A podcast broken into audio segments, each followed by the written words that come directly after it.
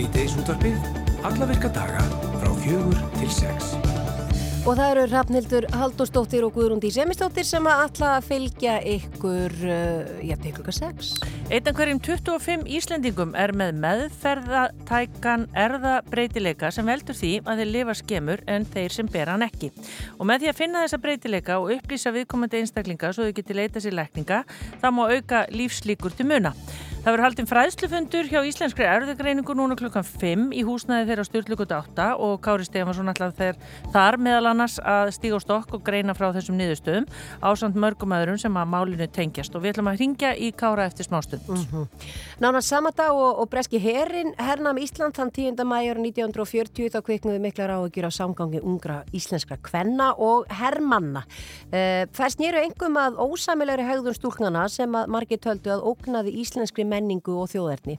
Í nýri bók Báru Baldurstóttur sagfræðings er sagt frá þessum örlaga tíma í sögu þjóðarinnar og uh, Bára ætlar að koma til okkur eftir og segja okkur betur frá. Við ætlum að ringja norður til Akureyrar, heyra í Hildeir Balladóttur sóknapresti á Akureyrarkirkju en á sunnudagin er feðradagurinn og að því tilipni verður feðradagsmessa í Akureyrarkirkju og meira en það á eftir. Og eins og alltaf á fymtudögum þá uh, skellum við okkur í meme vikunar, komumst að því hvað er að storma um internetið um þessa mundir umsjóna með þess eh, er okkar eininsannir Alli Fanna Bergarsson og svo, það, já, og svo er það síningar á nýju íslensku barnalegriti í Sláturhúsun og Egilstöðum legritið heitir Hollvættir og er eftir Þór Túlnius leikar og leikstjóra. Þór ætlar að koma til okkur eftir, segja okkur frá þessu verki auk Sæfars Sigurgerssona sem er höfundur söngteksta í síningunni En við byrjum á þessu. Grindvikingar sváfu lítið síðastlina nótt og eflugast í skjáltin í rinni sem á hóst fyrir hálfum mánu og Reykjaneska varð rétt fyrir klukkan 1 og mæltist 4,8. Eh, engi merki eru um að kvika færist nær yfirborði en ákveðu verið að loka bláa lóninu í viku. Eh, margir íbúa svo eðsins eru orðni langþreytir á skjáltorum auk þess eh, sem einhverjir eru óttastlegnir. Við rættum til að mynda við Pál Val Björnsson íbúa í Grindavík fyrir vikurinn sem að sagði að skjáltarnir og óvisa tæki á en en auk þess það að hlusta á hýrna og þessa sérfræðinga og vísindamenn tjá sig um stöðumála og mismunandi sviðsmyndir í, fjölmjölum. Og á línunni hjá okkur er Víðir Reynisson, uh, kontur sælublesaðurs. Komiði sælar. Víðir, skinnjar þú það að fólk uh, sé bara reynlega orðið óttastlegið? Já, við finnum það alveg að, að hérna, umræði sem að kemur aftur og aftur upp um svakalegar og, og, og svarta sviðsmyndir að það er, hérna, það er valda hræðslu og óta af óþörfu af viðteljum. Og, og hérna, þetta eru svo ólík, ólíklegar myndir og ólíklegar atbyrðar sem við verðum að tala um í, í því samhengi og látið eins og við höfum engan að við fáum engan fyrirvara og ekkert að sé að gera af þeim aðgerðum sem að, sem að hafa verið undirbúnar í mjög langan tíma sem, er, sem að okkar maður er allránt. Ef við teltum það að, að hérna, fólk væri svo bráðri hættu að það þurft að gera eitthvað, þá myndum við ekki hika við að gera það. En okkar vísindafólk sem að, sem að vinnur að þessum, uh, þessu eftirliti sem að er mörgum sinnum á dag verið að skoða hlutin og, og horta á þess að mæla stöðu þetta hólfingin. Það segir okkur að, að leið og merkjum það að kvika sér komin á reyfingu að, að hérna, þá, þá munum við vita því að við getum bröðust við eftir staðsetningunum hvort að sé einhver þörf á, á einhverju slíku. En, en hitt sem eru þetta, hinn þátturinn í þessu eru þetta sérskjáltanir og, og þeir eru raunverulegir og fólk finnur fyrir því og, og, og vaknar við það og það er mjög, mjög óþægileg staða. Já, og svo lítur að vera kvíðanlegt að eins og þú segir, það, fólk les hinar og þessar fyrirsagnir í, í blöðunum og það er að takast á um uh, uh, varnagarða í þinginu og, og fleira. Uh, þið eru sagt, bara með góða yfir sín yfir þetta allt saman. Já, við teljum okkur að hafa það. Við erum búin að eða núna bráðum fjórum árum í, í þetta verkefni og, og hérna og höfum hlustað á alla, allt okkar besta vísindafólk og alla þá sem hafa verið að tjási í fjölmjölum höfum við verið að hlusta og verið, fólk hefur verið þáttekandir í okkar vinnu nánast allan hennan tíma. Og það er ekki, samkvæmt því sem okkur er sagt, þá er ekki hættan með þeim hætti að, að engin, engin fyrir var að verði á því að góðsprjótist út, það munum frekar í fyrir var að koma, við erum búin að fá ákveði viðvörun í kerfinu núna og við finnst að skipti þarna við Þorbjörn og það er allir líkur á því að einhver tíman muni gjósa á, á þessu svæði og en það verði frekari fyrirvara og við teljum bara allt kerfið sé eins tilbúið eins og hægt er. Mm -hmm. Er hægt að einhvern veginn að beina, hvað ég voru að segja, uh, ummælum uh, vísendamanna sem að kannski eru stundum misagað einhvern veginn í einn farveg af því að þetta er allt fólk sem kann sitt fag og við, við hlustum á þau en það er svolítið óþægilegt náttúrulega bara fyrir alla þegar þeir eru einhvern veginn ekki sammála um hlutina. Sko í grunn til, svona þegar maður les þessi viðtölu í heilsinni sama sama við hvernig þessu ágæta vísindafólki okkar það er, þá eru þeir eru þau sammála, það er allir sammála um það, það er kvika á 5 km dýpi, það er allir sammála um það að hún gæti brotið til yfirbúst, það er allir sammála um það að við munum fá viðvörun á því, en síðan erum menn sko komni kannski fram úr sér að er hérna álegta út frá því hvað það getur, hvað það getur gerst þegar það kemur upp á yfirborði og kannski, þekki, kannski er það okkur að kenna að það hafi ekki útskýrt kerfi almannavartana og vel fyrir öllu vísindafólkinu að við séum á vaktinu, við séum tilbúin að grýpa inn í. Það eru allir tilbúinir að þást við þetta ef þetta gerist. Og íbúar í Grindavík, ég get fullvisað á um það að út frá öllu sem við þekkjum og við vitum að þá verður greipi til rýminga um leið og að talin þarf á því. En ekki fyrr og ekki síðar. Mm -hmm. Og kannski ágætt að beina sjónum að ábyrð fjölmiðla líka að veri ekki að setja einhverjar rosalegar fyrirsagnir sem að vekja óta? Já, ég meina, þú veist, maður vill auðvitað ekki vera að hérna, hefta tjáningarfræðs í fólks, alls ekki og auðvitað verður, verður að hlusta á alla gaggrin og, og taka þátt í, í öllu, öllu þessu samtali en, en það er auðvitað bara þannig að fólk verður að taka til í kort til annars og þegar að fólk fer fram og, og segir það að, að hérna, það sé stór hættilegt að vera á einhverjum stað þá er það ekki bara einhvern samtal tveggja manna þegar þið verður að fara að byrta það í fjölmjum það er samtal sem allir þeir sem búa þessu svæði hlusta á og hvernig á fólk að bregðast við því þegar við erum, erum á þessum stað uh mhm. -huh. það verða allir hrættir auðvitað það, við það sem við erum að segja. Vöndum umræðina hlustum á það sem fólk er að segja við tökum tillit til allra það við erum endarist að skoða þetta fram og tilbaka en verðum ekki að hræða fólk á óþöru, það er, það er algjörlega tilgámslöst og ég átta mikið alveg á því af hverju það þarf að vera þannig, við þurfum ekki að hræða fólk, það eru allir að gera sitt besta, það eru allir sammálu um hvað þarf að, verja og hvernig við ætlum að gera það, það þarf ekki að fara að hræða stjórnmálafólki til þess að bregðast einhvað við með okkur, við erum með allt stjórnmálafólki með okkur í þessu, það er engin þörf á hræðsluóróði áróðri í kringu svona verkefni. Mm -hmm. Við erum Einisson hjá Almanverðum, takk fyrir að vera á línunni hjá okkur. Takk sem leiðis.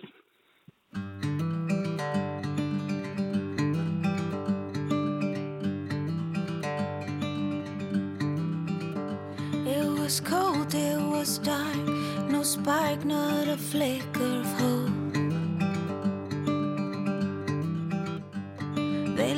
him to freeze on his knees, and they were back on the road. They said the sea would take him, and who would listen then? Is that what you get when you stand up for your fellow man? Waves crashing in his head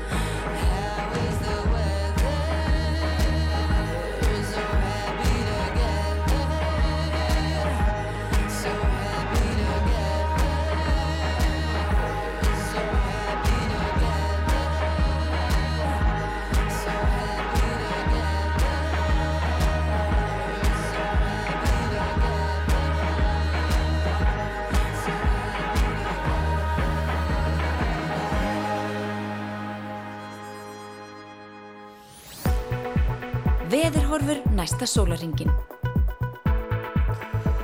Og við ætlum að líta aðeins á veðurhorfurnar. Eh, Það er nú búið að vera glimrandi fínt veður hér allavega á suðvesturhóttninu síðastliðina daga, allavega núna síðasta sólaringin. Og uh, hefur líka verið laus við ísingu sem var töluvert af hérna í, í vikubyrjun. Uh, ef við kíkjum aðeins á þetta, það er minkandi norðaustanátt 5-13 metra á sekundu undir kvöld álitil jél eða skúrir uh, fyrir norðan og austan en létt skíjað sunnan heiða.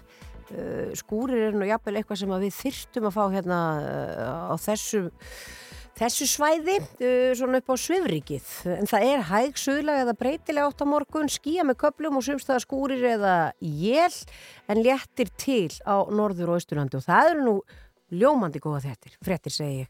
Og hiti verður á byrjun 0-5 stig en það fristir víða í nótt og áfram er vægt frost norð-austan til á landinu á morgun. Og ef við kíkja aðeins á staðaspána klukkan uh, 6 í dag þá ætti að vera já, svona létt skíjað því hér í Reykjavík og fjórastega hiti, þryggjastega hiti í Bólungavík og það er skíjað einstiks frost á Akureyri en sól samkvæmt þessu þannig að það er nú fallegt en kallt einstiks hiti á Egilstöðum og skíjað og þryggjastega hiti á Kirkjubæðaklaustri og þar er uh, sól. Uh, en allt saman þetta er nú svona soldi gluggaveður samt ekki, það er alveg hægt að fara út ef maður er að búa sér vel. Og ef við kíkja aðeins á helgina bara rétt á lögadaginn þá er, það er svona mjög dumbungslegt á landinu þar að segja. Það er skíjað uh, hitatölur um og yfir frostmarki. Þannig að það er, uh, þannig að það er nú bara þannig. Og það verður hægari vindur og þurft norðan og austan land sem hiti um og undir frostmarki eins og ég segði Einmitt það. Við erum að freysta þess að ná í Kára Stefánsson, það er áhugaverðu fyrirrestur núna hjá Íslenskri erðagreiningu um nýja rannsók sem að, já, voru koma niðurstöður um það að einn hverjum 25 Íslendingum er með meðferðatækan erðabreitileika og ef að fólk veit af slíku þá getur það breytt ímsu og Kári uh, verður vonandi á línu hjá okkur hér eftir smástund.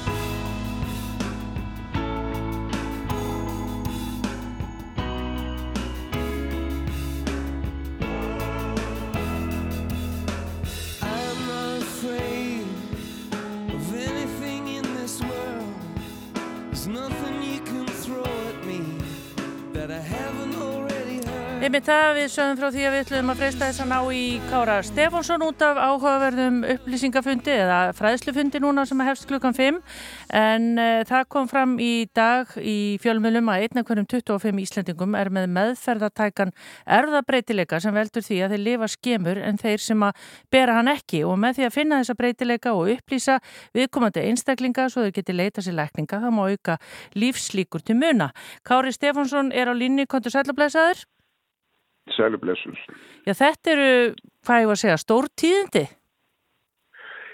Þetta eru tíðindi allavegana og um, mér finnst uh, það svolítið ókveðkjandi að vita til þess að 4% af þjóðinni séu með stökkbreytingu sem eigur mjög mikið hættun á, á erfiðum sjúkdómum sem að styrta uh, ævilengt fólk og uh, vita því að við gætum fundið allt þetta fólk ef við uh, fundum aðferð til að gera það þannig að samfélagið og einstaklingar væri við sætti við það.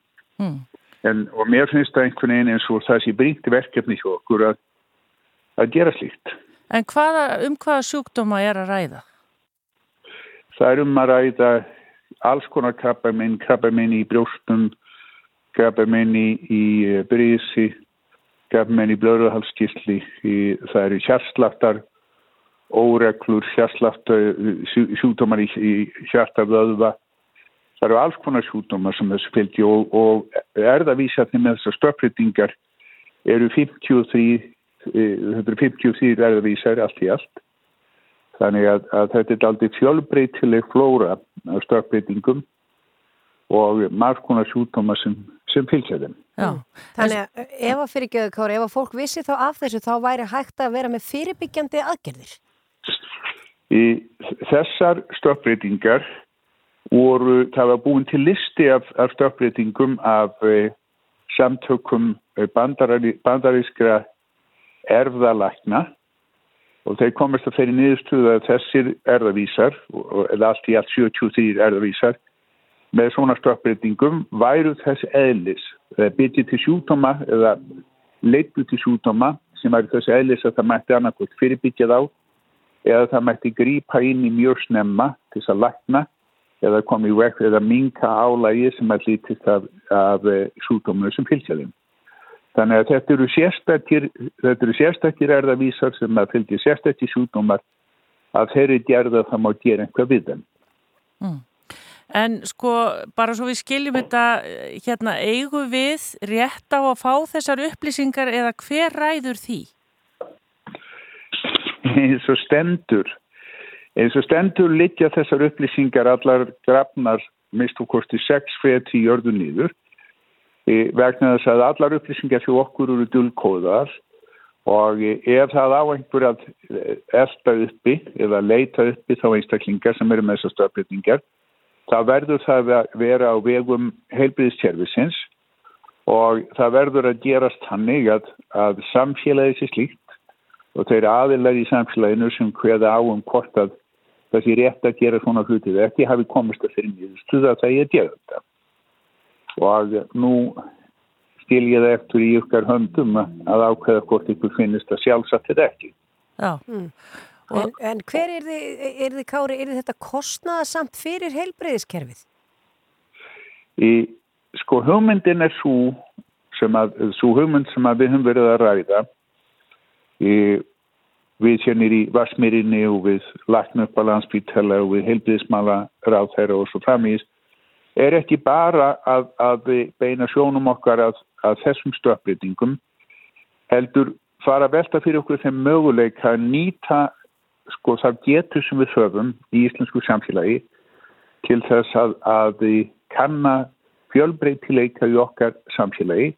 Er að fjölbreytileika þegar kemur að mismöndu hægt á sjúkdómi, mismöndu viðbröðum við meðferð og svo framvegis. Það er að segja nýtt okkur nútíma aðferði við að greina gögn til þess að, að búa til þess að við kvöllum einstaklingsmiða helbiðstjónustu það er að segja að þegar þú kemur til læknir með sjúkdóm þá sé ekki bara að hort til sjúkdómsins heldur líka til þess hver þú er og eins að við erum mjög mismöndi þegar kemur að því hvernig sjúkdóma leggjast á okkur og hvernig við bregðust við með þær við þeim og, og e, e, við, sko helbiðstjónustur um allan heim eru að reyna að koma sér í þess átt. Það er markmið í, í Danmörku, Nóri, Svíþjóð út um allt í Európu og í bandareitsjónum að breyta helbiðstjónustunni sami að hún verði meira miðuð við, við eðli einstaklingsins heldur en við gett hingað til. Hingað til hefur hún bara verið, hefur hún verið fókusur á sjúkdómi sem slíka án þess að taka tillit til þess eh, hver eru sértjanni eða, eða þess einstakling sem að fara sjúkdómi.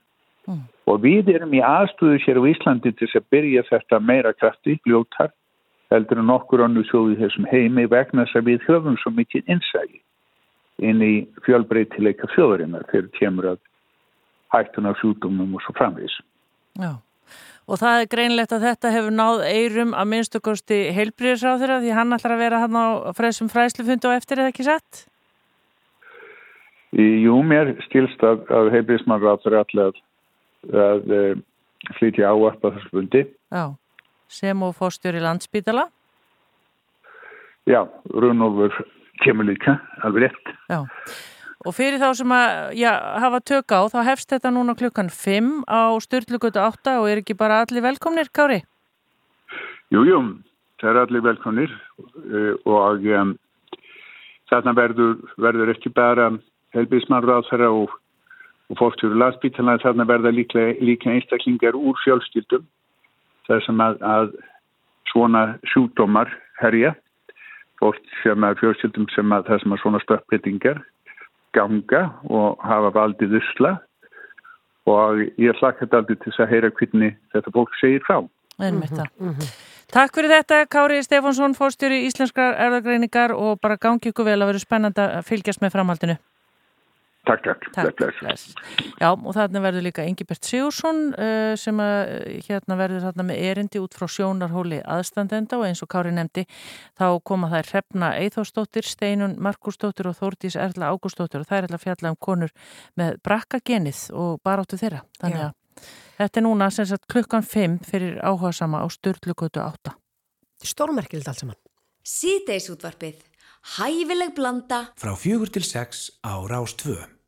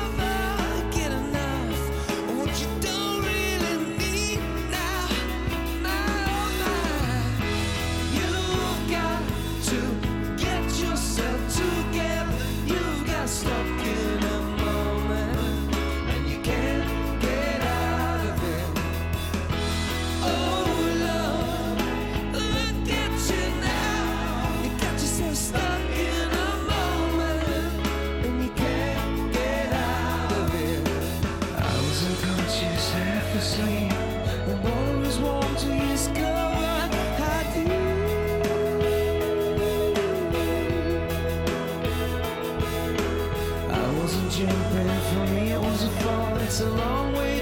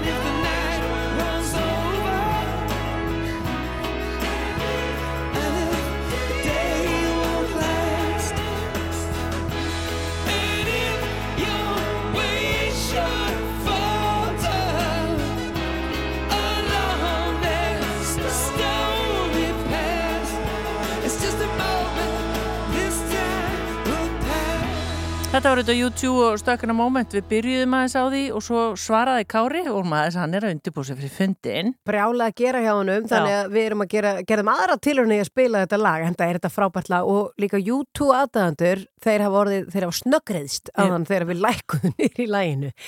Þóttir myndu heyra í hljómfagri röttu uh, Kára. En við sögðum í upphæð þáttar að við ætlum að hringja norður uh, á Akureyri og heyra í Hildir uh, Boldóttur, sóknapresti á Akureyrakirkju það er feðradagur á sunnudaginn og að því tilefni þá ætlar Hildur að gera alls konar í Akureyrakirkju Kondu sæl og blessuð Hildur. Sælar, blessaði, gott að heyri í ykkur. Fer- Já, það fer- er færadagurinn. Já, og þú ætlar að setja hann á ottin. Já, ég sko aldrei eins og vann. Ég hef bara aldrei gert það áður. Ég hérna, allt innum bara fór að hugsa þegar ég sá á dagatalinu að væri færadagurinn á sunnundaginn að í kirkjunu sko þá heldur alltaf á mæðradaginn, hann er í mæ og bara gerum alltaf úr honum og höfum gert til margra ára og maður færir hverja konu móðu til þess að koma og, og tala um þetta dýrmæta hlutverk Og, og svo erum við raun og veru með annan maðuradag eh, í kirkjunum með bóðunadag um Maríu sem er, er haldinn í, í mars, hátilegur. En, en við höfum aldrei, ef, sko, ekki svo ég viti til, hefur verið haldinn uh, sérstök feðradagsmessa eða honum eitthvað sérstaklega lift upp sko í, í kirkjunni. Reyndar er sko, þetta er dagur sem að ég var nú að flettað upp áðan að hann var nú bara lögfestur eitthvað sko 2006 hjá okkur sko, feðradagurinn, en hann er, e, e, sagt, hann, er hann er þekktur um aldir og sérstaklega í Káðurskirkina sem hann hefur verið haldið hátilegur. Já, En einhvern veginn sko hefur það ekki, já, ekki verið hjá okkur sko. nei, og með, með hvernig sniði ætlar Hildur Eir að gera þetta? Heyrðu, ég hérna, ég var svo heppin að, að sko vita það, eh, hafa það bak við eirað að, að, að, að það er maður sem að, ég þekki sem að e, er einstöður fjarabarnafaðir og er e, ekkill og, og misti sína konu fyrir um tveimur árum og, og við frá þekkjum staðis bara í gegnum starf kirkjunar og ég vissi að hann væri hann sagði ykkur til að við með þess að ég er til í að gefa tilbaka til kirkjunar og hérna og, og ef ykkur vantar einhver tíman eitthvað sem að ég get gefið að, að þá bara hnippið í mig. Og allt inni þegar ég sá hennar dag þau þess að heyrðu, ég fæ hann Óla Haldós sem býr á Húsavík til þess að koma og, og tala. Og tala þá bæði náttúrulega um uh, það bara maka missinn og, og sorgina og, hann svona allar aðeins að líka tala um þetta bara hvernig, er að, sko, hvernig mætu við fólki í sorg og svo ætlar hann líka að tala um bara þetta föður hlutverkið í breyttum veruleika, náttúrulega er, er ekkill og, eh, og, eh, og kannski fara aðeins líka inn á þetta, þú veist, með þriðju vaktina og, og hvernig þetta horfir við manni sem að heldur utanum heimili með einn með fjögur börn. Já. Og uh, hann er sko, hann er nú vanur að tala, hann er, hann er uh, ég, veit, ég veit þetta að vera gott, hann er hérna, hann er forstumæður uh, fyrir þekkingar neti þingegjar síslu, ég held að með segja að heiti það. Og, og svona mikið er inn í mestamálum og hérna þannig að hann mun öruglega flytja svona mjög fjölbreytt og, og, og gott erindu þetta. Og við erum svona hvetja feður og stjúpfeður og afa og, og, og, og, svona að, að fjölmenna sérstaklega og hérna og auðvitað náttúrulega komum við inn á þennan dag í bænagjörðinni og svona liftum upp þessum deg af því að það er svolítið skrítið að við náttúrulega leggjum áherslu á það í okkar samfélag, leggjum áherslu á jafnbrettismál og, tölum opið um þau og, viljum halda kallmennum ábyrgum í heimilishaldinu og inn í þriðju vaktinni og öllu því. En þá er ekki kannski sangjant að við liftum bara upp móðurhlutverkinu en gleymum því að, að föðurhlutverkið er líka mjög fallegt og, hérna, og, og við þurfum að lifta því við meðum ekki bara skamma kallan og segja en hvað er eigin og að gera og, og hvað er því ekki standa sem með heldur líka að segja heyrðu, það sem að þið ykkur er falið í þessu hlutverki er gríðarlega fallegt og, náttúrulega feður hafa svona mikilvægu hlutverki að gegna í lífið barnanu sinna alveg náttúrulega ja, mikilvægu og maðurnar sko. Já, en er ekki miklu sjaldnar sem að þeir stíð og stokk og tjási til dæmis um svona, já, tilfinningamál? Jú, það er nefnilega þannig og, og þess vegna nefnilega, þess vegna er ég að, að hérna, að einmitt að, að e, hvetja kalla til að fjölmenna, þá allir séu náttúrulega hjartalega velkomnur, ég vil líka séu fullt á konum, að hérna, af því að það er kannski ekkit oft sem að ég fæ kalla til þess að tala um svona hluti. Það, það er hérna ein tegund af, af Guðsónust í kirkjunum minna þar sem það gerist og það eru æðruleysismessuna þar sem að fólk kemur innan úr A-samtökunum og talar og það er svona til bæði kallar og konur því þau eru svona, það er hópur sem er svolítið vanur því, tala um, um etrómennskuna en þess utan þá eiginlega koma kallar mjög sjaldan upp í ræðustóli í kirkjun og tala um svona hluti. Þannig að þetta er svolítið, sko, mér finnst þetta svolítið magnað. Akkurat það, við hvetjum ég bara sem flesta þarna þessu svæði til þess að fjölmenna í Akureyra kirkjusundar og er þetta bara hefbundin tími klukkan 11? Já. Já. Já, bara klukkan 11, bara messu tímin á sunnudum, klukkan, sunnudegi klukkan 11. Já, þetta er hugulegt og svo skulum við megum þetta eins og segir, við megum ekki gleyma, við viljum láta koma þetta alltaf vel fram við okkur bæði á mæðradaginn og Já. við megum ekki gleyma Já. þessum elskum. Nei, við megum ekki glemja þessum elskum og við verðum að, hérna, við verðum að uh, lifta upp, sko, þeirra hlutverki um leið og við höldum þeim ábyrgum í heimilishaldinu, sko. Það, þarf að fara saman, þetta er svona eins og, þetta er svona samlóku aðferðin, sko, rósa, koma að vandanum og rósa aftur. Ég held að það sé alltaf þetta góður líkil. Frábært, heyrðu þú væntalega verið ægilega glöð í gæð þegar kom hérna frá ráðurjónum að var hættu við saminningu hérna framhaldsskólana og eitthvað að ræða það í lokin. Já, er það ekki efni í annan þá? Það, það er efni í annan. Látt ekki svona, þú poppaðir, ég trú ekki annað að þú Jú, ég veit það. Jú, jú, ég poppaði og bara, hérna, alveg kallaði fólk til pa í partí, sko. Nei, þetta, það er áhugavert, áhugavert mál og, hérna, og sérstaklega viðbröðin við því. Ég held að það sé ein- einn áhugaverst við þetta og svona skemmtilega kannski, hérna, ekki skemmtilega, en svona ákveðin hátt, svona eitthvað sem við getum dreigið lærdóm af varðandi afstöð okkar til hlutana. Það var kannski mest í skólinn af öllu þessu skólamáli. Í rauninni, í rauninni sko. Agnar þess að auðvitað í framtíðinni þegar við erum öll eh, farin að brotta þessari jörð sko, þá náttúrulega verða breytingar og, og það, það, þetta verður ekki alltaf eins og, og hérna og einhvern tíma bara breytist allt skiljið og verður ekkert eins og það var þegar við vorum hérna. Þannig að, að, hérna, að við munum aldrei komið vekk fyrir það að fullu. Þannig að það, var, það sem var kannski áhugavert við þetta var að sjá sko afstöðu okkar bara til hvers annars og þetta afhjúpaða ákveðin hátt hluti sem kannski mörg okkar vissu innst inni en eh, hafði aldrei svona gefist tækifæri kannski til að setja orða og það er það að það auðvitað ríkir á mörgum sviðum í okkar litla samfélagi stjætskipting. Og ég fer ekki dofanu því og ég sagði það og það þótti ægileg sprengja og, og mönn, mönnum sárnaði við mig en ég held í raun og veru að viðbröðin hafi afhjúpaða svolítið. Já. Ég vil segja það sko. Akkurat. Hildur Eir Bolladóttir, allur í Akureyra kirkju klukkan 11 á sunnudaginn. Takk fyrir að vera á línu hjá okkur. Já, takk fyrir mig. Bless, bless.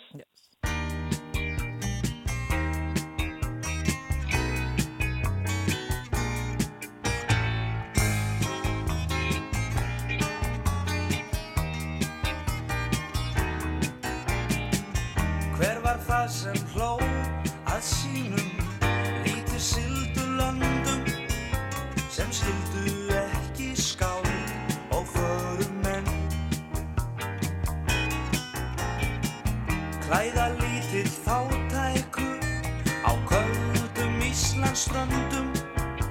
Hann kemur fram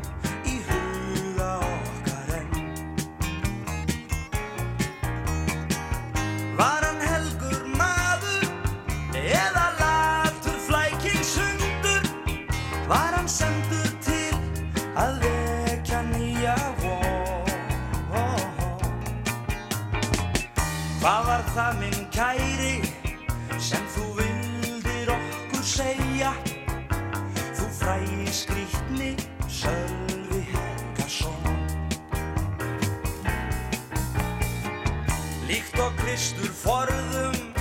Varstu krossfestur af líðnum Sem til leti taldi Heimspeki og list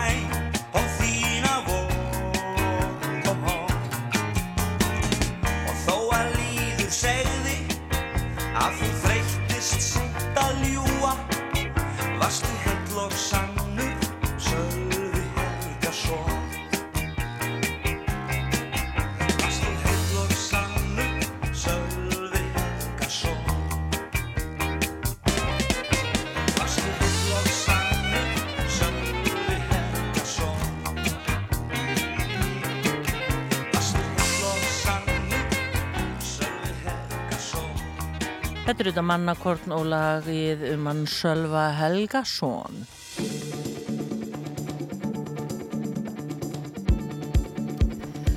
Rafnildur, það er svo ljót mynd sem ég sér hún á flestum frettamiðlum. Nú? Það er af mús, stöðri í músagildru Oh, og hún er á mörgum stöðum. Hún er ekki bara, hún er á rúvefnum, mér sínst hún er á vísi líka og er ekki búin að kanna henn á MBL. Það er nánast sama hvert þú ferð og... Nei, það er önnur inn á MBL. Er? Já, það er önnur mynd þar. Ekki af, ekki af músinni, sko. En það er vísbendingum að fólk hafi gist á matvælalagarnum þannig sem að uh, allt fannst, þú veist, að tonna af, uh, þessi mörg tonna matvarum sem Já, að voru gemdinn um rottur og önnum eindir. hvað gekk á þarna í þessum kjallara? Ég veit ekki en það er náttúrulega hræðilegt ef að fólk hefur gist þarna. Já, Við tala nú ekki um ef að, já, þetta er bara, þetta, er, þetta mál heldur endarist áfram. já, þetta er alveg rosalegt. Já, En uh, við erum uh, að uh, nálgast það að fá fimm fréttir hér frá fréttastofunni. Þar á eftir þá kemur til okkar kona sem heitir Bára Baldustóttir og hún var að senda frá sér mjög áhugaverða bók. Og það fjallar, eða hún, eða sögursvið bókarinnar er uh, hernáms árin og uh, hérna bókin heitir Kynleitt stríð. Einmitt og hún fjallar hérna um eh, samgang eh, ungra íslenskra kvenna og hermanna og hún hefur búin að skoða þetta lengi hún uh, bára en komst svo í gögn uh, sem að er ekki langt síðan voru opnuð á þjóðskalarsafninu og þannig að þetta er verið mjög áhugavert því að þessar konu voru bara nánast fordæmdar og bara útrópaðar. Ástandið eins og þetta var Já, kallað. já, þetta var Já.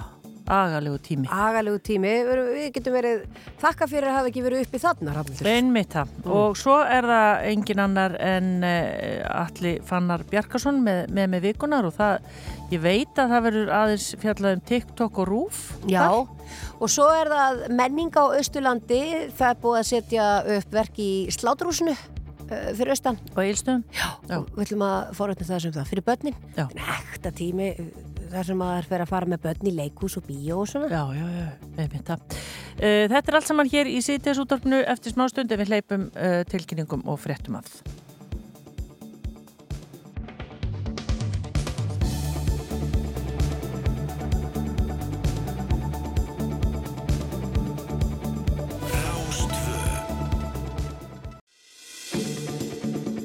Þú ert að hlusta á síðdeis útvarpið á Rástvö.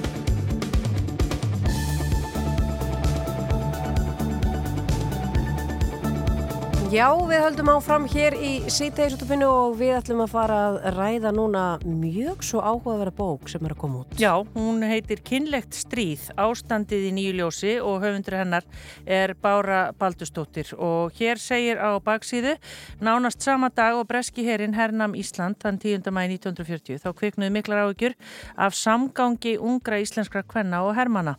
Það er snýru einhverjum að ósæmleiri hegðanstúlknana sem að margi töldu og ógnaði íslenskra menningu og þjóðirni. Og í þessari nýju bók, uh, Báru Baldurstóttur, sagfræðings, þá er sem sagt sagt frá þessum örlaga tíma í sögu þjóðurinnar og velkomin bara. Uh, til hamingjum bókina. Takk hérlega. Já. Segðu okkur aðeins af hérna, hvað ég segja, þí- þínu grúski um þetta, hérna, já, bara ótrúlega tímabil í lífi þjóðar. Ertu búin að, er þetta búið að vera því lengi hugfangið? Ég byrjaði að uh, rannsaka þetta fyrir uh, 20 árum síðan og það var vegna þess að ég fekk þá hugmynd að skoða þessi máli tengslu við meistarritgerð sem að ég skrifaði við bandarískan háskóla og þá fór ég semst að leita eftir gögnum og ég hafði sérstakann áhuga á þessum ríkisafskiptum. Það er að segja það voru sett bráðabyrðalög og komið á fót ungmennadómstól og stúlkur uh, úrskurðar til sveitavistar eða á kleppisrækjahælið og mér langaði að skoða þetta sérstaklega Já. og þá kom ég ljós að það var ansi lítið af gögnum sem Em. ég gæti stöðust við og en fekk samt svona uh, efni til þess að vinna þessa reitgerð. En síðan er það uh, fyrir nokkrum árum síðan þá koma í ljós gögn sem að eh, fjalla um þetta. Það eru sagt, tvö mjög merkileg skjálasöfn. Annað þessara skjálasafna er uh, skjálasafn ungmenna eftirlits uh, lörgrunar Reykjavík sem að hafi verið lokað á þjóðskjálasafni í halva öld. Uh, það kom til að því að þetta var skráð sem enga skjálasafn uh, fórstöðukonunar sem að hérna já, veitti ungmenna uh, eftirlitinu uh, fórstöðu, uh, Jóhanna Knúðsen hétt hún Já. og, og það var ekkit vita hvað þetta safn innihjælt fyrir að það var opnað og þá kom í ljós að þetta voru ofinbugag og sem fjölluðu einmitt um þetta. Já. En er þetta tilviljun að þetta var enga? Að þetta var ekki opið eða opinbergögn, þetta var ekki vista sem slíkt? Eh, ég held bara að það hefur gengið út frá því að þetta, þetta væru hennar prívat gögn uh, sem var verið að skila á safnið og fólk, uh, sem sagt, það vissi auðvitað enginn hvað í þessu, uh, hvað þetta hafði að geima fyrir að þetta var að opna. Já. Og það var nú tölvert um það á þessum tíma að, að fólk uh, tók svona skjálasöfn bara heim til sín og hérna skilaði þeim ekkert á safn. Nei, þannig að það er rauninni bara Það heppilegt eru aðri tímar í dag. sko. Já, emmitt. En það, það átti líka við um annarsafn uh, sem kom, skilar sér á þjóðskjálasafn á svipun tíma. Uh, það var sem sagt safnu, uh, skjálasafnu uh, Kleppusreikjahælisins og það hefði einmitt verið geimt í heimahúsi og það komi úr dánarbúi síðasta fórstöðumannsins. Hugsa sér. Þetta er, alveg, þetta er alveg galið að hugsa til Já, þess. þetta er mjög merkilegt og, og sem betur fer þá hérna, höfum við þessi gögn í, dag. Já, en bara þú veist að því ég var að klukka í bókina í dag og þú byrjar söguna af, bara þú, þú kallar hann stúlku Þóru sem er 15 ára gömul og bara fyrir hlustendur, svo við gerum þau nú svolítið forvitina, þá segir þau sem sagt sögu hennar, þetta er náttúrulega þú, þú veist, auðvitað ekki nafngreint rétt eða Nei, neitt slíkt, en getur dulnefni. aðeins svona stikla hérna bara hvað gerist til dæmis í hennar lífi? Hún er þarna 15 ára gömul og þykir, eh, hvað, vera daldi fyrir eh, hérna dátana eða hvað? Já, já, já. Að, sko, hún er, eh, til að byrja með, þá er hún úrskurða á sveitaheimili til dvalar þar og það gengur bara nokkuð vel til að byrja með og síðan endar það með því að, að hérna húsbændur treysta sér ekki til þess að hafa hana lengur á heimilinu, finnst, finnst, finnst eins og hún sé bara fangi og þetta eh, enda með því að hún er bara, eh, hérna, já þau gefast upp á þessu og, og þá fer hún á klæpjarsækjahælið og er hún vistu þar Já. og þar er hún í einhverja mánuði þangað til að, að, að hérna, svo stofnun er bara lögð niður. maður er sko bara einhvern veginn svo rasandi þú sendur á hæli Mhm. fyrir það að uh, finnast uh, hvað að segja, amerískir eða breskir stráka sætir? Já, það var nú lítið talað um ástina sko Já. í þessu en, en þessi stúlka hún var döið ástfangin af bandariskum hermanni og, og hérna það kemur svolítið fram. Ég, hérna, já í bókinni ég svona kemur aðeins inn á það að, að þarna var líka ástin sko sem að En, en ferði eitthvað í það eða veistu eitthvað um menna, eins og þú talar um, þú veist það er, hún er skildu að fara til, í sveitavist og annað, Mhm. þessi dómar, menna, hvers vegna er þetta gert? Hvers vegna er verið að setja þetta í lög? Já, það er góð spurning.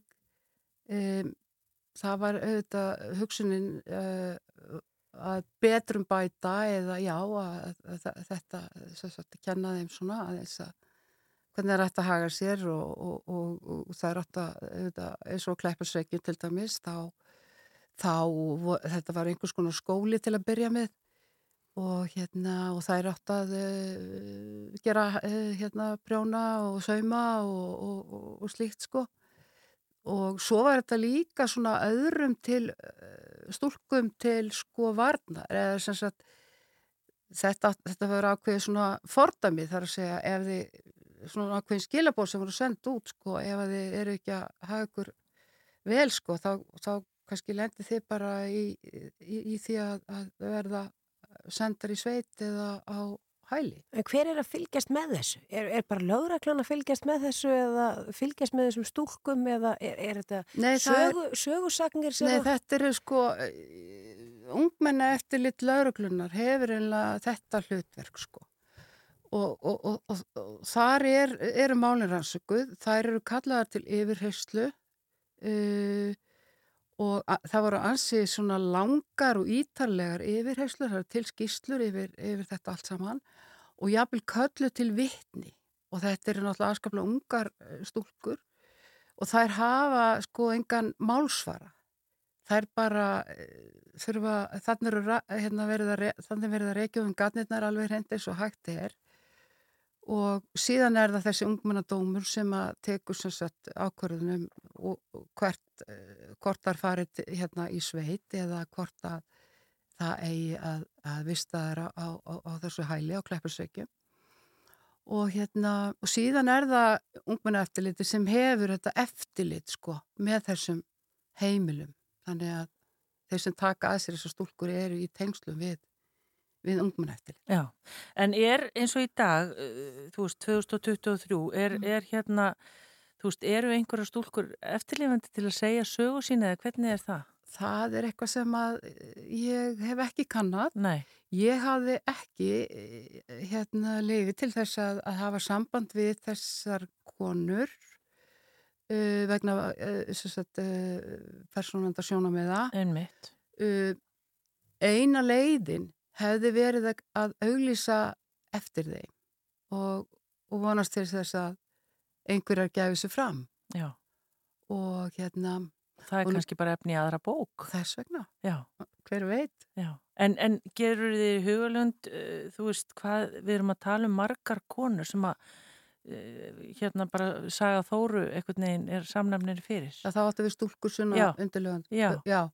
Sko, um, ég held að þær sem að voru sko fengu dóm eða úrskurðu, úrskurð, þær voru svona á bylunu 60 til 70 myndi ég halda. Mm. En það voru fleiri mál sko, en þau voru kannski leist áður en að til úrskurðar kom. Ekkert annan hátt. Getur verið að stjætt og staða hafi skipt tölvert miklu máli? Já, ég tel að það hafi verið. Þeir sem Já. áttu foreldra kannski sem voru efnaðir og, Akkúrat, og já, já. þannig að En stúlku frá brotnum heimilum hefðu minni möguleika, það er alveg ljóst. já. Já.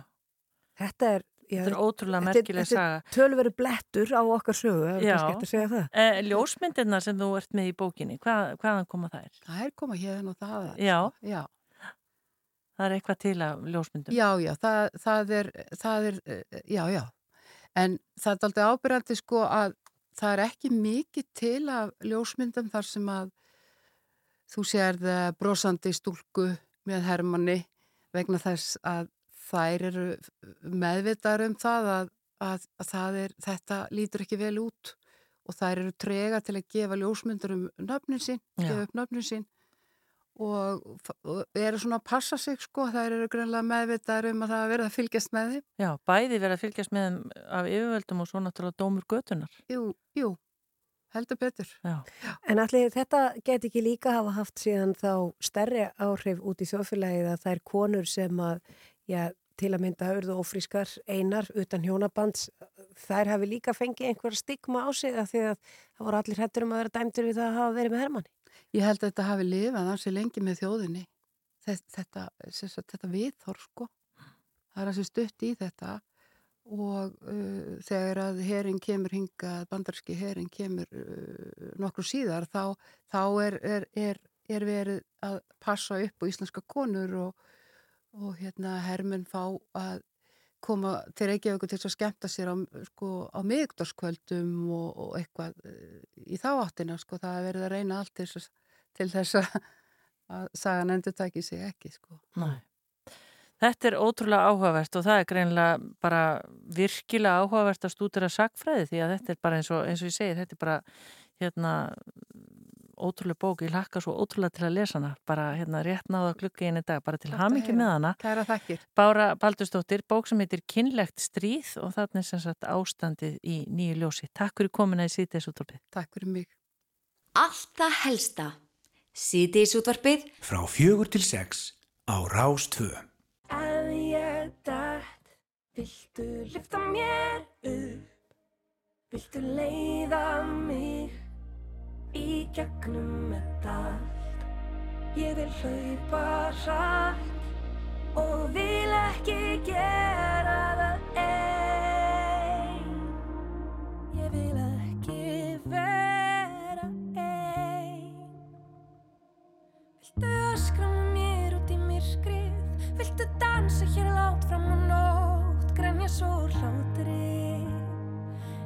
skilur neitt. Viltu svara mér þegar ég ringi?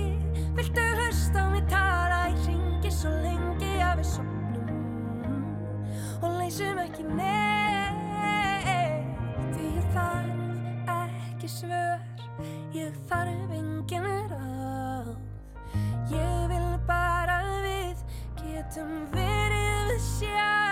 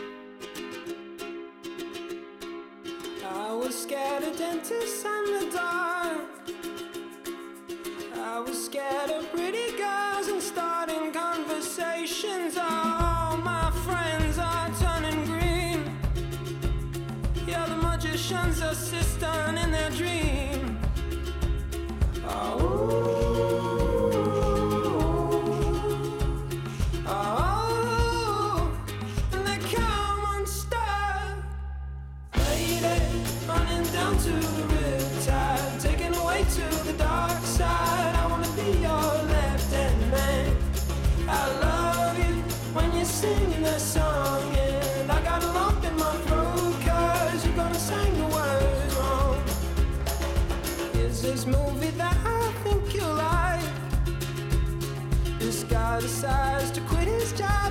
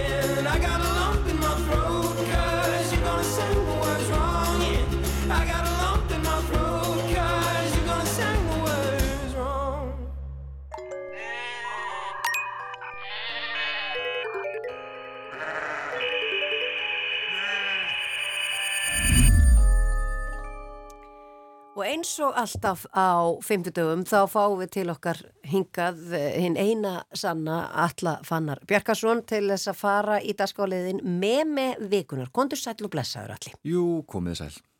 Hvað ætlar að bjóða okkur upp á í dag? Sko, í dag, það er svolítið skemmtilegt í dag.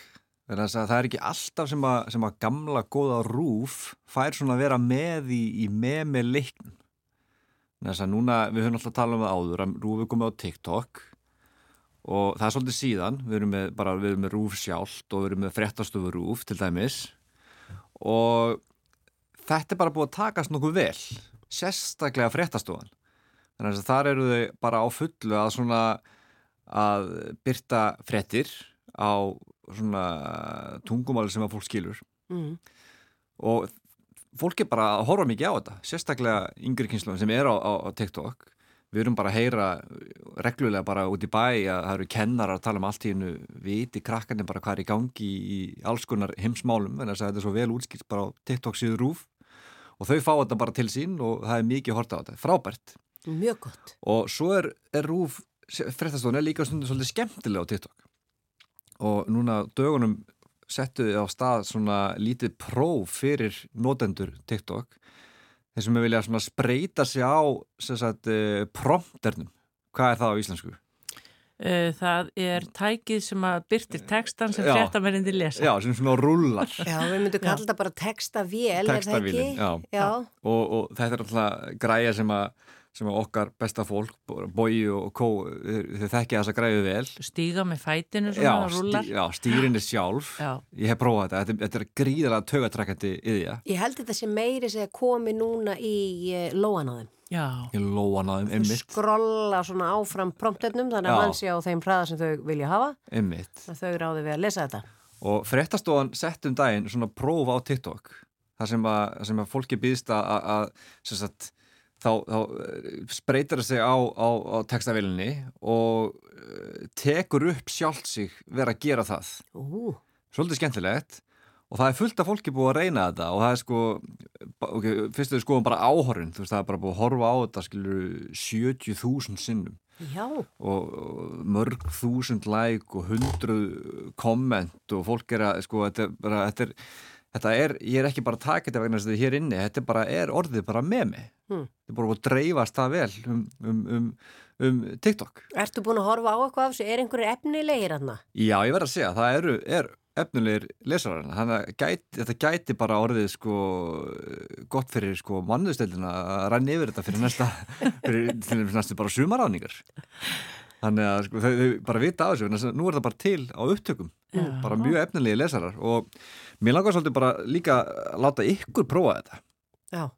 að lesa fréttinar Nú. þannig að við vitum öll hvað þeir eru að gera í sítisóttuminu, þeir eru að reyna að komast upp í fréttinar Jú, jú, jú, jú, jú, Já. jú. Náttúrulega svona lengt og ljótt, jú, jú. það er svona alltaf loka markmiðið Já, já, að það vera, er það. um, fara í fréttinar og hann að Hrafnhildur er þið nú flotta alltaf klukkan sjö á skjánum. Alveg svo bara pollróleg. Já, nákvæmlega, Elgurs er hafið sko, happy, þetta var í geggja sko. Geggja. Já, það væri vikt í því. Já. Já, en við verðum samt að, að, að, að áreita að nú er, til látum Gunnu lesa fyrst, að hún er að fara að lesa að það, er, það sem að hún segir er ekki, er ekki að gerast, þannig að við séum ekki að fara að fá yfir okkur hérna uh, sko bara uh, múasing Já.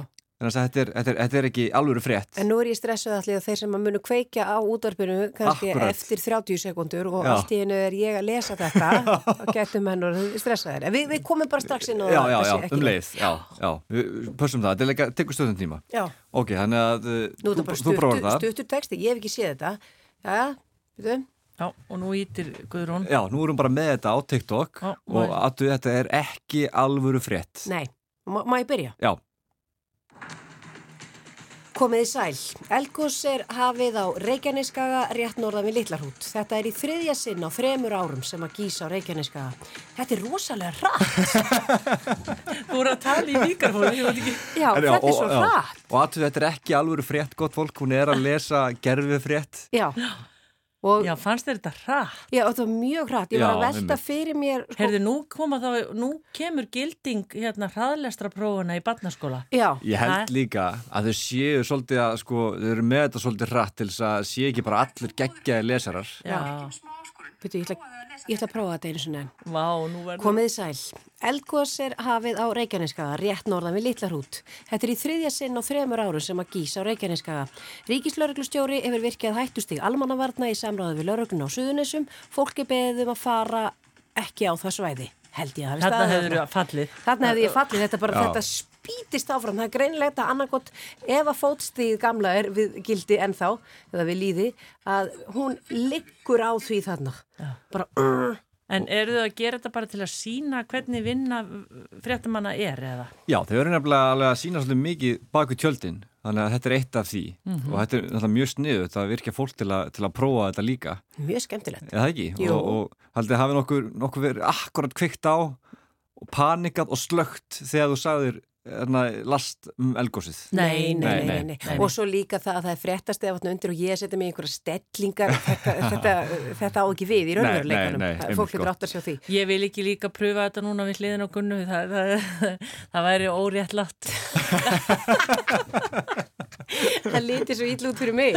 Mjög. Já, Hafði já. myndið upp Já, bara algjörlega, já, já. algjörlega áreinslu Já, laus við gerum það hérna bak við tjöldinu eftir, ég, ég ætla að Já. sjá þig gera þetta. Já, en maður hugsa sko þegar maður er að horfa á þau af því að þau virka alltaf svona pollróli og svona Já. að hérna eh, þetta er auðvitað bara fyrst og fremst æfing Já, já, en þetta er ekki auðvelt. Nei, alls ekki. Nei. Nei, einmitt, og vera í beitni útsendingu í þokkabót. Já, Þetta er náttúrulega er mjög, mjög erfitt. Þannig að, en það er gaman, fólk getur farið inn á TikTok og, og spreytt sig á þessu. Já, ég mæli með. með Byrtu Björns sem er, að, sem er að skora á fólk a- a- að prófa að lesa frétt og einmitt, taka upp lesturinn og, og, og, og byrtan líka. Mhm. eins og fjölmargir hafa, að fjölmörg hafa gert. Segið svo að sé ekki að það græða á TikTok. Það er, við erum alltaf að græða. Já, algjörlega. Og uh, nú er, þannig eru að koma líka fréttum rút til, til, til yngri hópa takk Mm. fyrir þetta, Alli Fannar og Gunnar, þú stóðstu vel. Þetta Já, var flott, já. Jú, takk fyrir, takk fyrir. Síðdeis útvarpið, stóru og litlu málin frá fjögur til sex Á Rástfö.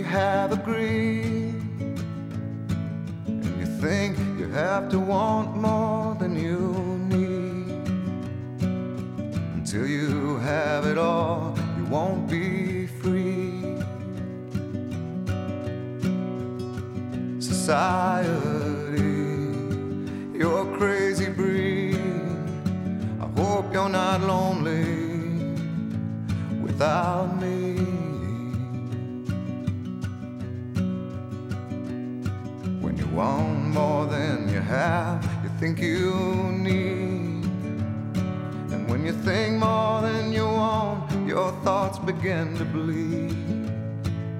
I think I need to find a bigger place. Cause when you have more than you think, you need more space. Society, you're crazy breed. I hope you're not lonely without me. Society,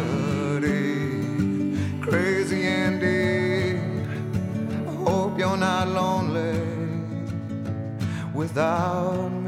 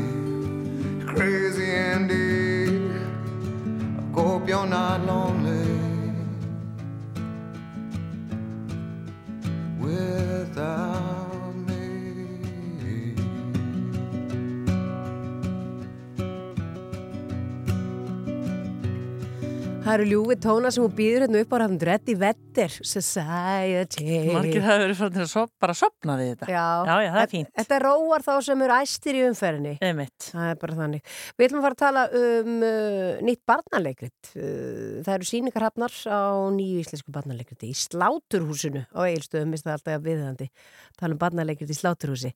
En uh, leikritið heitir Hollvættir og er eftir Þór Túlnius, leikara og leikstjóra og Þór er hinga komin til okkar á samt Sævari Sigurgessinni sem er höfundur söngteksta í síningunni komið í sælir Komið í sælar. Bara sælar. Þetta þýðir að þetta er söngleikur eða hvað? Já, leikrit með söngum allavega. Það er Já, svona heldur maður. kannski eitthvað, eitthvað grátt svæði hvort að hvenar þetta getur kallað söngleikur en það er allavega einhverju tíu sönglög eða eitthvað sko, nýja tíu. Já, já, já Sævar stálsenunni. Já, já. nei, nei, það, er- það, nei, það, er, það er svona jafn, það er mjög mikið af góðum sönglögum sem að hérna, og textarnir eru eftir Sævar og, og uh, Eyvindur. Karlsson gerir tónlistina Já, já. og, og þetta er alveg smellir, margir smellir, góði smellir. Já. Þeir, uh, ég ætla samt að fá að leira þetta, þeir eru ekki 100% allir eftir mig vegna þess að sko, Þór var byrjaður að semja marga af þeim og lagði upp boltana, ég bara svona, ég kláraði mörkin bara, þannig ég svona... Tókst við? Ég, já, tók við svona og Já. snikkaði eitthvað til og endurorti og...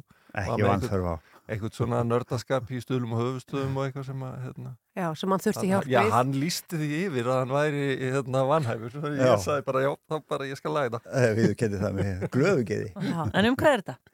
Heyru, þetta er um uh, tv, sískin, tvö sem að uh, líklega búa í þorpi en eru oft í heimsókn á bóndabæ og uh, það eru göngur að hausti og hérna, það vantar eina uppáhalds ána ekki, já, uppáhalds ána og hún heiti Þokkabót og uh, það, hérna, það veldur svo mikill í sorg hjá ég er svona frængu þeirra eða, sem, að, sem að þau eru hjá og að þau ákveða að skella sér upp á heiði að nóttu til til að reyna að finna e, þokkabót Mhm. og lendi í alls konar æfintýrum.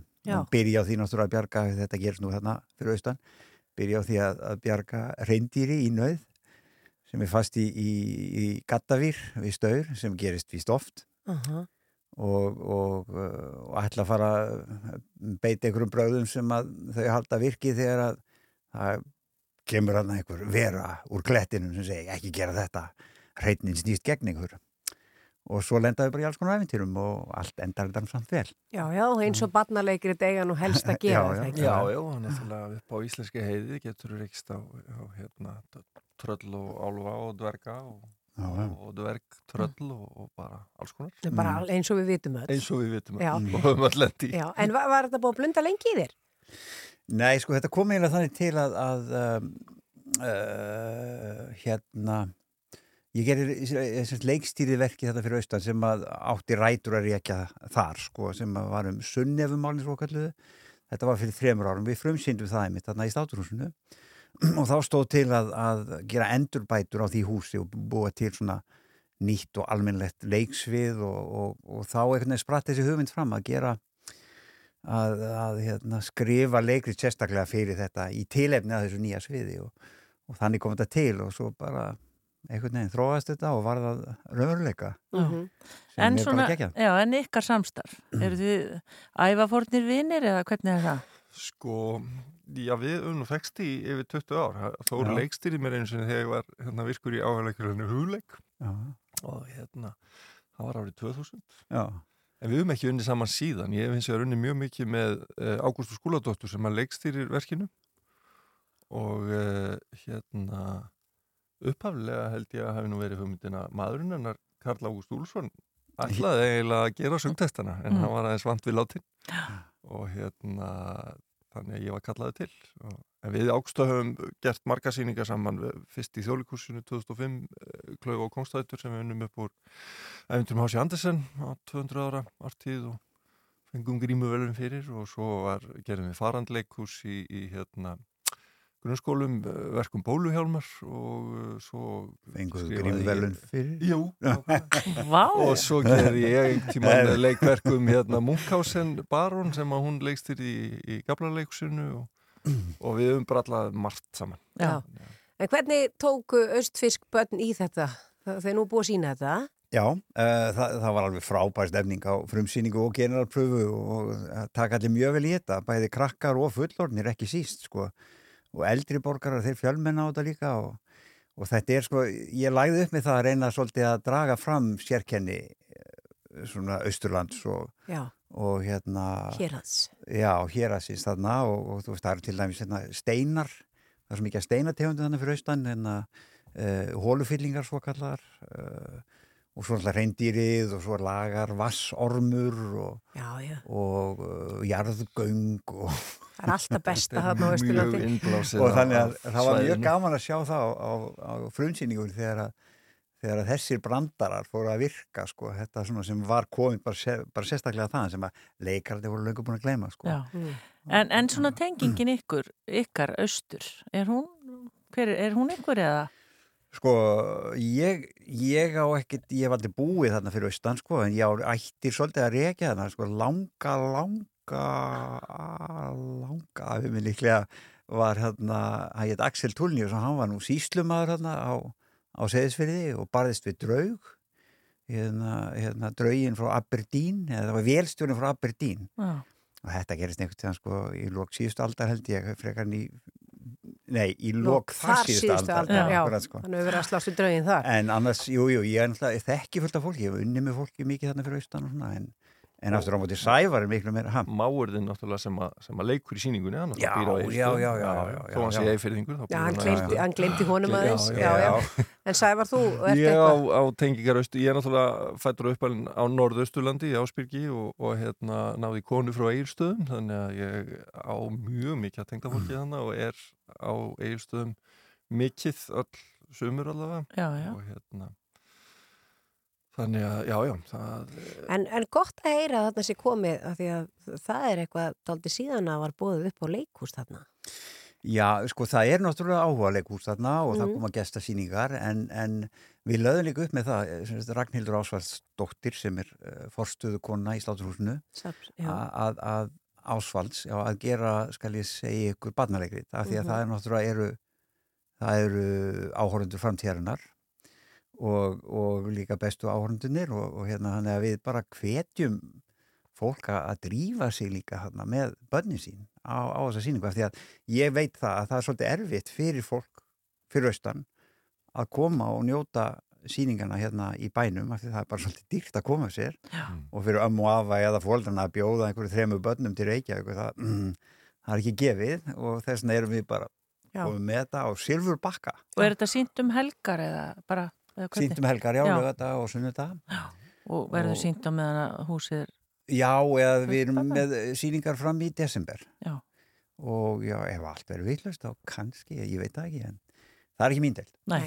Það er jóló að skella sér í, í leikús og ég tala nú ekki um einmitt um að gera styðja við svona. Ég fór held ég í alvöru leikúsfiskið þegar ég var 16 ára. Það kemur að minni stöðum, það er bara þannig. Já, já, Ha. og við erum að vona að þetta verði bara vísir að því sem koma að skala að atvinnusýningar séu síndar eða frumsýndar bara þar í staðan fyrir bara að hafa þetta á Akureyri og Reykjavík og Einmitt.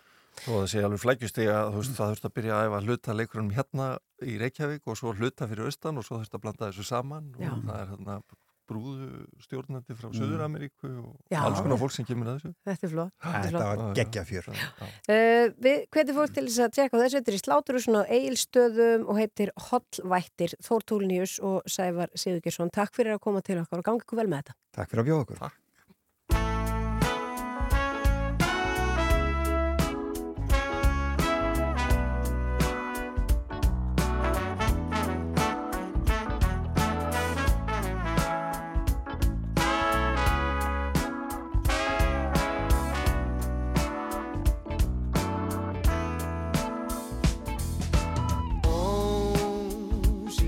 Ósýnilega gyðja Ég vil kynnast þér af líkama og sál. Ég myndi þóra veðja að þú mun dyrka mig og ég mun kveikja hjarta bál Hann langar í sannseraðan sportbíl og hann verður dús þráir heimska ljósku sportbíl og risastórt hús langar í sannseraðan sportbíl og hann verður dús þráir heimska ljósku sportbíl og risastórt hús. Ísmeilega gyðja. Hvað er að gerast hér? Vá, hún fellir tár. Ég skal föndra við þig alla ég mun eiga þig en þú mundi eiga mig. Hann langar í sannseraðan sportbíl og hann verður dús þráir heimska ljósku sportbíl og risastórt hús. Hann langar í sannseraðan sportbíl og hann verður dús þráir heimska ljósku sportbíl og risastórt hús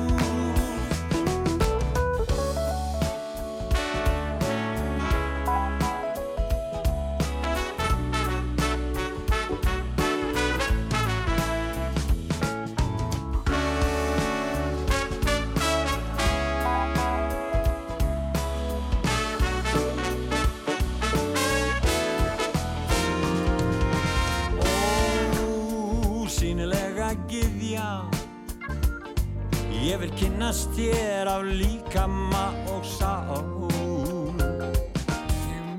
Myndi þóra veðja að þú mynd dyrka mig og ég sem kveikja hjartabál Ó, Hann langar í sanserannan sportbíl og hann verður dús frá heimska ljós og sportbíl og risastórt hús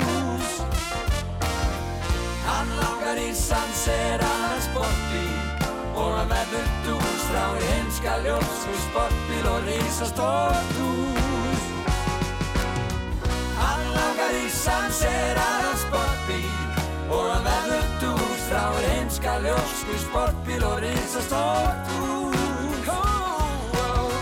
Hann langar í og hann verður dús frá heimska ljós og risastórt hús yeah, yeah, yeah. Hann langar í sanserannan sportbíl og hann verður Þetta er auðvitað Jón Jónsson og Rækki Bjarna og uh, lag sem að heitir Fróðan.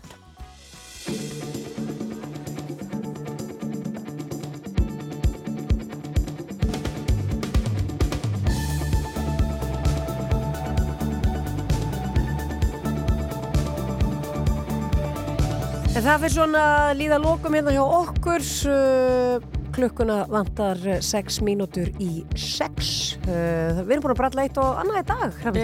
Við hefum bæði í Víði Reynisinni og Kára Stefansinni. Svo dæmi séu tekin Já. og svo heyrðum við Hildi Eir Bolladóttir sem ætlar að vera með feðradagsmessu. Já. Á sunnudaginn, feðradagurinn. Já. Svo kom til okkar kona sem heitir Bára Baldustóttir var að senda frá sér bók sem heitir Kinnlegt stríð, ástandið í nýju ljósi virkilega áhugaverð bók þar á ferðinni. Svo ég er bara slegin yfir nokkuð mörgu sem hún var að segja okkur hérna. Algjörlega. Af því þetta, það er ekki svo langt síðan þetta var, eða samt svo langt síðan þetta var. Við einhvern veginn virðumst hafa verið á ótrúlega skrítirinn bylgjulengd með opaslega margt í langan tíma. Algjörlega, sammála því. Svo var það auðvitað Alli Fannar sem kom hingað með, eh, með með vikunar og það var Gunnar Dí sem eh, spreytti sig á því að lesa fréttir. Já. Fór Og létt með það. Með prompter sem er svona textavél. Þannig að nú fylgist ég með, bár, nei, með hérna, Boga eða Jóhönnu eða hver er að lesa fréttir í kvöld. Þau eru með svona textavél fyrir fram að sig og sjáu hvað þau gerir þetta óaðfinnanlega. Eða farið á TikTok. Fram hérna á þann að ég hef náttúrulega margóft lesið á prompter. Já, já, já, já, já. Uh, það heyrðist nú ekki. Nei, það heyrðist ekki þarna áðan, algjörlega dottin úr æfingu og, en hef náttúrulega aldrei tilkynnt um eldgós Nei. á prompter. En þetta er semst á TikTok í rúf og þau getur farið þarna á eftir ykkur. Já. Á hraða ljósins, svo ég takið það fram. Svo komum við til okkur hérna í lokin Sævar Sigurgjesson og Þór Túlinius voru að segja okkur frá nýju barnalegriti sem hafa frumsýnda á dögunum á Eilstöðum í Sláturhúsinu. Heitir Hollvættir þetta leikrit. Já, þar eru alls konar vættir og, og verur og reyndýr og ormar og... Ímislegt fleira. En það er förstu ára morgun og þá verðum við stöllunar hérna með ykkur í sítiðsúttorfum og þá er eitthvað allt annað fólk sem kemur til okkar Mhm. og verður eitthvað áhugavert á ferðinni Við Já. vonum bara allt verður með kyrjum kjörum sérstaklega á Reykjanesi Já, við óskum þess. Já. Við þökkum ykkur fyrir að hlusta og þanga til næst. Bless, bless.